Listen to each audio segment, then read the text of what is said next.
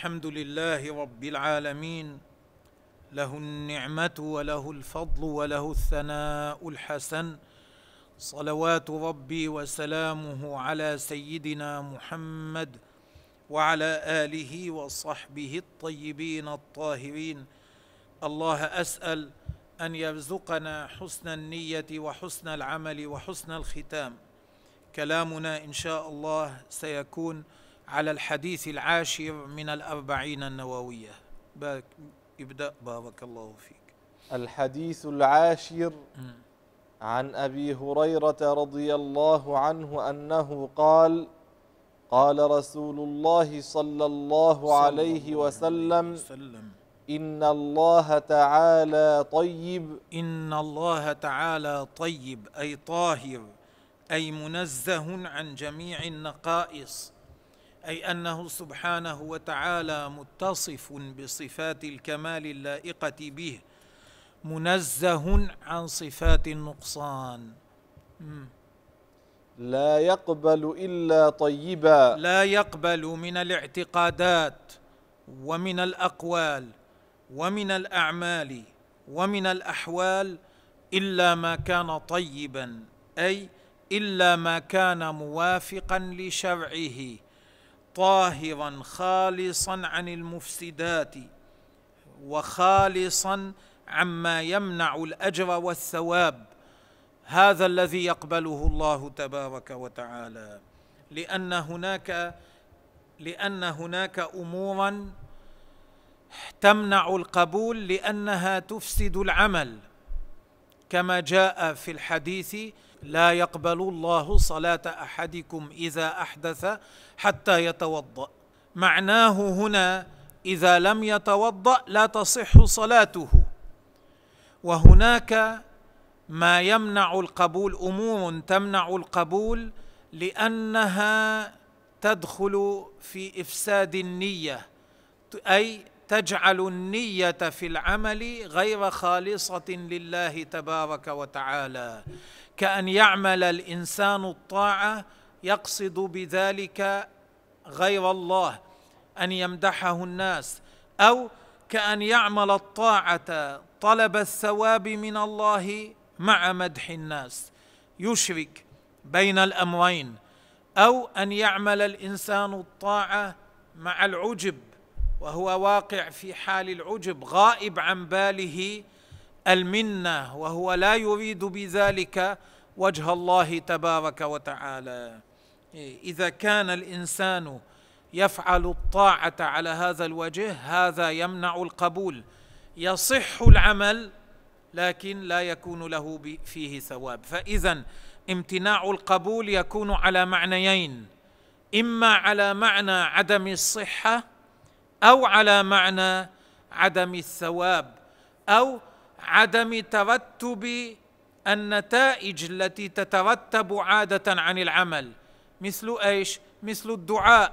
يدعو الله تبارك وتعالى. إذا دعا رياء وسمعة لا تترتب على ذلك نتائج الدعاء التي تترتب عادة. إذا دعا الله تعالى من غير رياء وسمعة لكن بطنه مليء بالحرام. لحمه غزي بالحرام ثوبه من حرام قاعد في مكان حرام. هذا الدعاء لا تنتج عنه في العادة النتائج التي تترتب على الدعاء عادة. فينبغي على الإنسان إذا أراد أن يعمل العمل أن يعمله على وفق شرع الله تبارك وتعالى. أن يراعي أن يوافق شرع الله في عمله أن يؤدي أركانه وشروطه. إذا أراد أن يصلي فليتعلم أحكام الصلاة ليعرف ما هي الأركان وما هي الشروط وكيف تكون صلاته مقبولة عند الله تبارك وتعالى.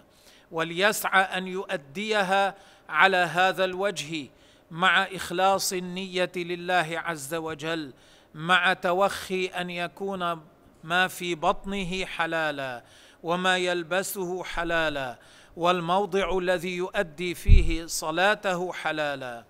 أما من لم يبال بذلك وخبط خبط عشواء يصلي من غير أن يتعلم من غير أن يراعي الشروط والأركان يخبط خبط عشواء فهذا مثل أعمى يسير بين الحفائر.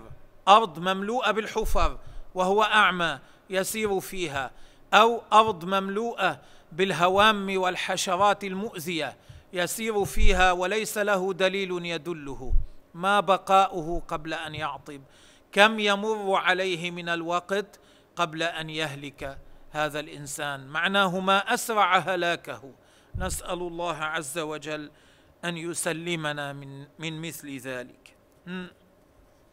وإن الله عز وجل أمر المؤمنين بما أمر به المرسلين.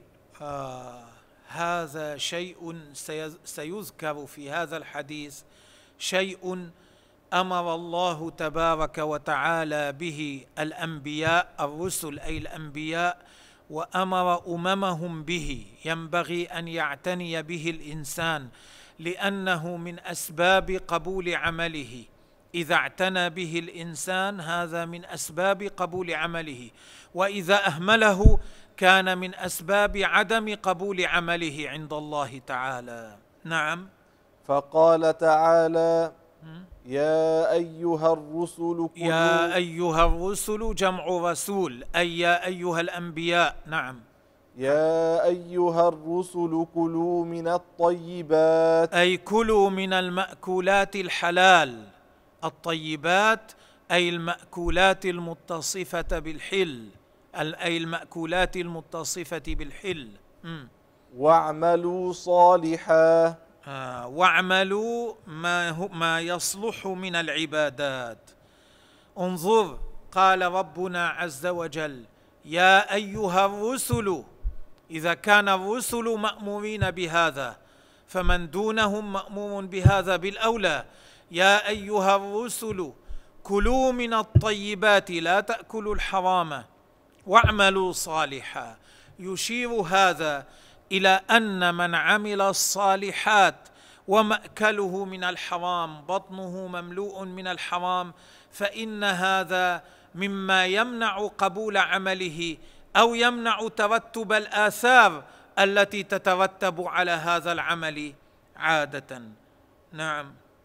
وقال تعالى يا أيها الذين آمنوا كلوا من طيبات ما رزقناكم. يعني من الأمور الحلال التي ملكناكم إياها.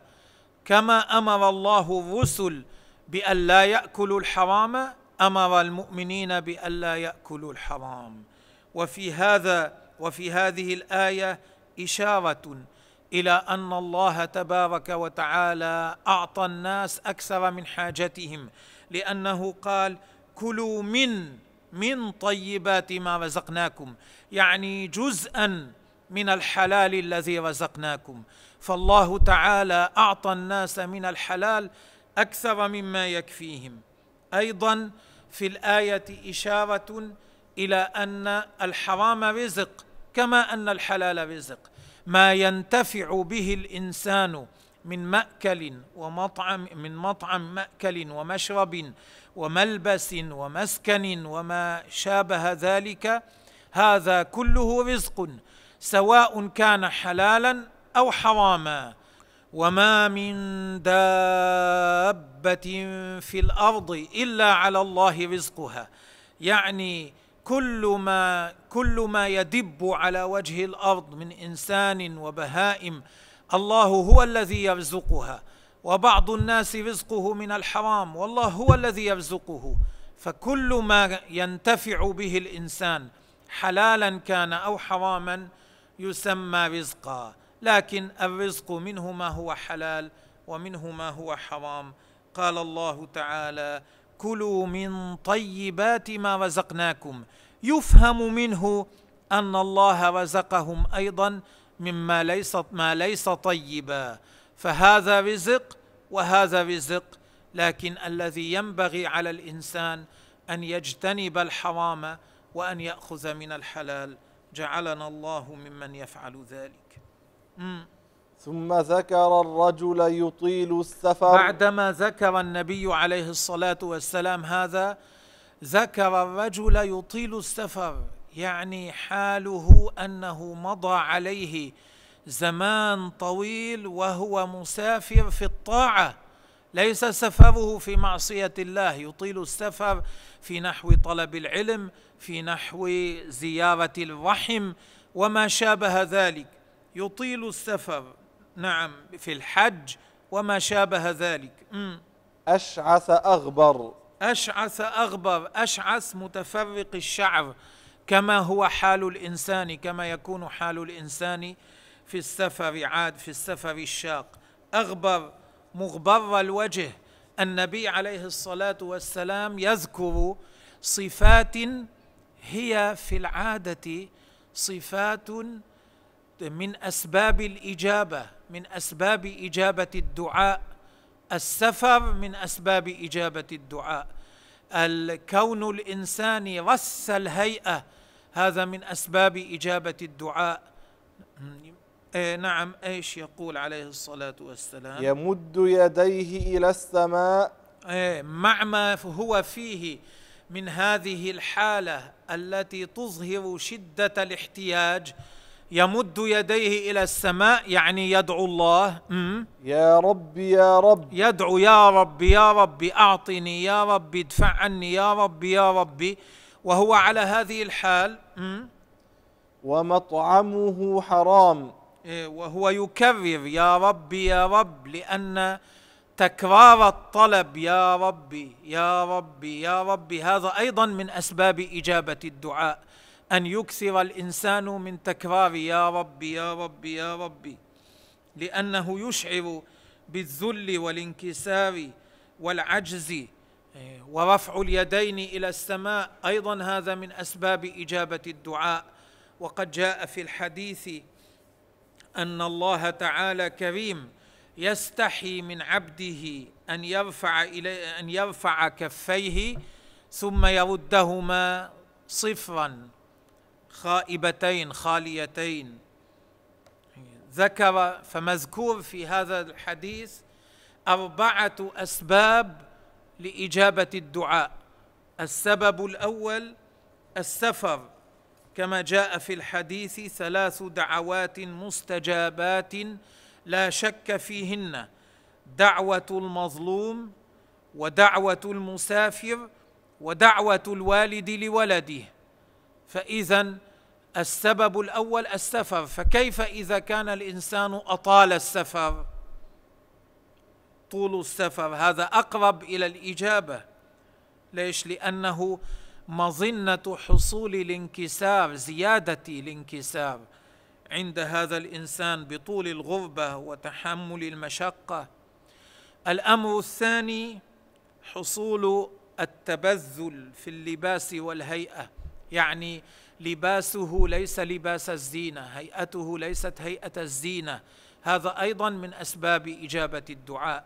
لذلك عندما يخرجون إلى صلاة الاستسقاء يخرجون بثياب بذلة بثياب العمل ليس ثياب الزينة. حتى يكون هذا أقرب إلى الإجابة. سببا من أسباب الإجابة. الأمر الثالث هو رفع اليدين إلى السماء في الدعاء. هذا أيضا من أسباب الإجابة. النبي عليه الصلاة والسلام رفع يديه يدعو الله يوم بدر حتى بدا إبطاه صلى الله عليه وسلم. من شدة ما رفع يديه إلى السماء يطلب من الله تبارك وتعالى. وأيضا والأمر الرابع تكرار ذكر الربوبية. يا رب يا رب يا رب. لأن هذا أيضا من أسباب إجابة الدعاء. كما قال ربنا عز وجل الذين يذكرون الله قياما وقعودا وعلى جنوبهم ويتفكرون في خلق السماوات والأرض. ربنا ما خلقت ما خلقت هذا باطلا سبحانك. فقنا عذاب النار. ربنا إن ربنا إنك من تدخل النار فقد أخزي فقد أخزيته وما للظالمين من من أنصار. ربنا إننا سمعنا مناديا ينادي للإيمان ينادي للإيمان أن آمنوا بربكم فآمنا فآمنا. ربنا فاغفر لنا ذنوبنا وكفر عنا, سيئ عنا سيئاتنا وتوفنا مع الأبرار. ربنا ربنا وآتنا ما وعدتنا على رسلك ولا تخزنا يوم القيامة. إنك لا تخلف الميعاد. انظر في هذه الآيات التي فيها الدعاء. ربنا ربنا ربنا ربنا. وهكذا الإنسان إذا كرر في الدعاء يا رب يا رب يا ربي كان هذا من أسباب إجابة الدعاء. كما جاء في الحديث عن عائشة رضي الله عنها عن النبي عليه الصلاة والسلام أنه قال إذا قال العبد يا رب يا رب اربعا قال الله لبيك عبدي سل تعطه. هذا فعل هذا الإنسان هذا الإنسان الذي يخبر عنه الرسول عليه الصلاة والسلام فيه هذه الأحوال. مسافر بحال البذلة والمشقة يرفع يديه إلى السماء يقول يا ربي يا ربي. لكن إيش؟ ومطعمه حرام. لكن مطعمه حرام. الأكل الذي في بطنه حصلت تغذيته ربي لحمه من الحرام والعياذ بالله. ومشربه حرام. أيضا مشربه حرام. وملبسه حرام. ما يلبسه حرام. وغذي بالحرام. غذي بالحرام. ربي لحمه بالحرام. جسده تربى ونمى من الحرام والعياذ بالله تعالى. فأنا يستجاب لذلك. فأنا يستجاب لذلك يعني ما أبعد أن يستجاب لذلك. مع ذلك مع كل هذا النبي عليه الصلاة والسلام ما قال لا يستجاب لأن الله كريم. قد يكون العبد على هذه الحال. مأكله حرام ومشربه حرام وملبوسه حرام وغذي بالحرام ثم يدعو الله فيعطيه الله تعالى ما دعا به. أحيانا يحصل لكن النبي عليه الصلاة والسلام يرشدنا إلى الابتعاد عن هذا ويبين لنا أن هذا من أسباب عدم إجابة الدعاء من أسباب عدم استجابة الدعاء إجابة الدعاء للداعي أن يكون مطعمه حراما وملبسه حراما والمكان الذي هو فيه من الحرام. إذا كان هذا وإذا كان هذا حال هذا المتبذل هذا المسافر الذي يسافر في طاعة الله تبارك وتعالى الذي هو مسافر في الحج أو غير ذلك وهو على هذه الحالة من البذلة ويكثر من الدعاء. إذا كان هذا جاء في الحديث بأنه أن يستجاب لذلك ما أبعد بعيد أن يستجاب له. فكيف الذي هو مع حرمة مطعمه ومشربه وملبسه منهمك في الدنيا منصرف انصرافا كليا عن الطاعات لا يقبل على الطاعات منهمك في الدنيا غارق فيها. كيف إذا كان مع ما هو عليه من أكل الحرام وشرب الحرام ولبس الحرام غارقا في ظلم العباد وفي أخذ حقوقهم بغير حق. كيف إذا كان غارقا مع غيره في ترك الأمر بالمعروف والنهي عن المنكر إيه، من أين يستجاب لذلك؟ كيف يستجاب لهم؟ ما أقل ما يستجاب لمن كان على هذه الحال. الله يسلمنا منها. وابلغ سبب ذكرنا ذكر في الحديث أسباب لقبول الدعاء السفر البذلة في الهيئة وكثرة ترداد يا ربي يا ربي ورفع اليدين إلى السماء وأكل الحلال ولبس الحلال وصدق النية والتوجه والسبب الأعظم في إجابة الدعاء هو تقوى الله تعالى. أداء الواجبات كلها واجتناب المحرمات كلها. أما الغارق في العصيان فهذا أبعد عن أن يستجاب له. كما قال وهب بن من وهب بن منبه رضي الله عنه مثل الذي يدعو بغير عمل كمثل الذي يرمي بغير وتر. الذي يرمي بالقوس إذا لم يكن القوس لها وتر يصل سهمه إلى محل لا يصل لا. وكذلك الذي يدعو بلا عمل. الذي يدعو من غير أن يكون على تقوى الله تبارك وتعالى يشبه الذي يرمي بغير وتر. ومع ذلك كما سبق أن قلنا الله تعالى كريم قد يكون الإنسان على حال سيئة جدا ومع ذلك إذا دعا يعطيه الله تبارك وتعالى ما دعا به. لكن ينبغي للإنسان أن يسلك الطريق التي فيها الأسباب لاستجابة لاستجابة دعائه إذا دعا ربه عز وجل. الشاعر قال نحن ندعو الإله في كل كرب ثم ننساه عند كشف الكروب. كيف نرجو إجابة لدعاء قد سددنا طريقه بالذنوب.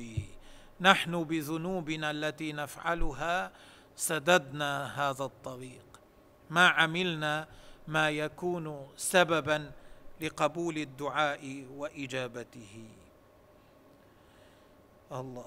وقال بعضهم الدعاء له جناحان. الجناح الأول صدق النية والتوجه والقول والفعل. أن يكون الإنسان مقبلا على ربه طائعا لربه صادقا في نيته مقبلا على الله تعالى عند الدعاء متذللا له عز وجل. والثاني أكل الحلال يعني وطيب الملبس والمسكن. ولأجل هذا في الماضي رحل الزهاد من مكان إلى مكان تركوا أمكنة كانوا فيها ورحلوا إلى غيرها.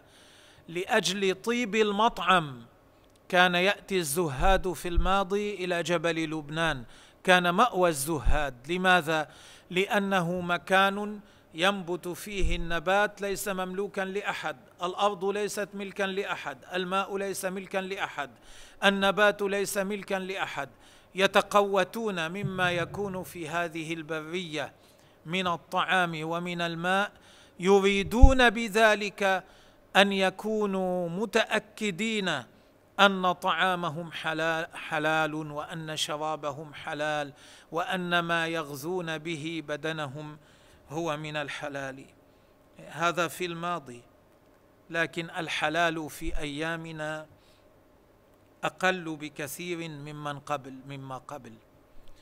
فمن لم يجده صافيا بل معه شبهة يخاف عنده خوف من شبهة تخالطه فليقتصر منه على قدر الحاجة ولا يزد على قدر الحاجة.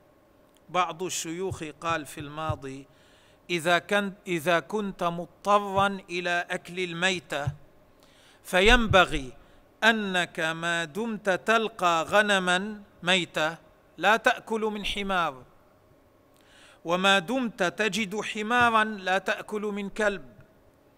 وما دمت تصادف كلبا لا تباشر خنزيرا. يعني إذا كان الحال أنه في هذه الأيام الحرام كثير والإنسان يخاف أن يكون ماله فيه شبهة فليقتصر من ماله على قدر الحاجة ولا يزد على ذلك حتى يحافظ ما استطاع على نقاء قلبه حتى لا يتأثر قلبه من هذه الشبهات حتى لا تكثر. الشبهات فتؤثر في قلبه وتمنع إجابة دعاء دعائه.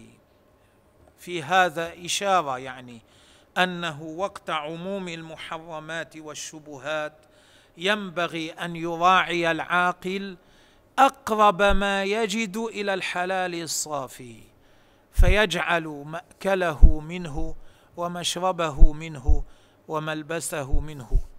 الله يوفقنا إلى ذلك.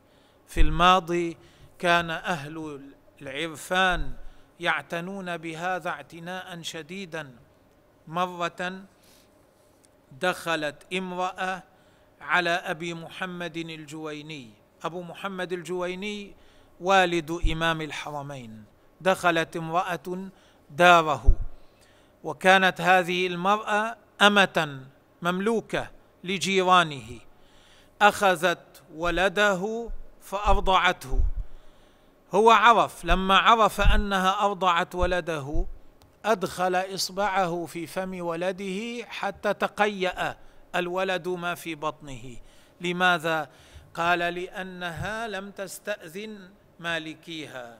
قبل أن ترضعه ما استأذنت مالكيها. فأخرج هذا من بطن ولده حتى لا يؤثر. فيه في ولده وفي حاله. فكيف الذي لا يهتم في هذه الأيام وهو غارق في الحرام الصرف أو غارق في الشبهة القوية في المال الذي شبهته قوية ولا يبالي أن يأكله في الصباح والمساء بقدر الحاجة وزيادة عليها بكثير.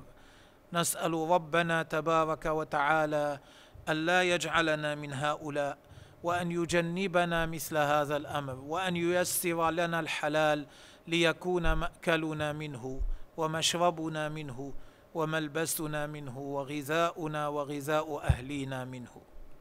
رواه مسلم. نعم هذا الحديث رواه مسلم في صحيحه والله تبارك وتعالى أعلم.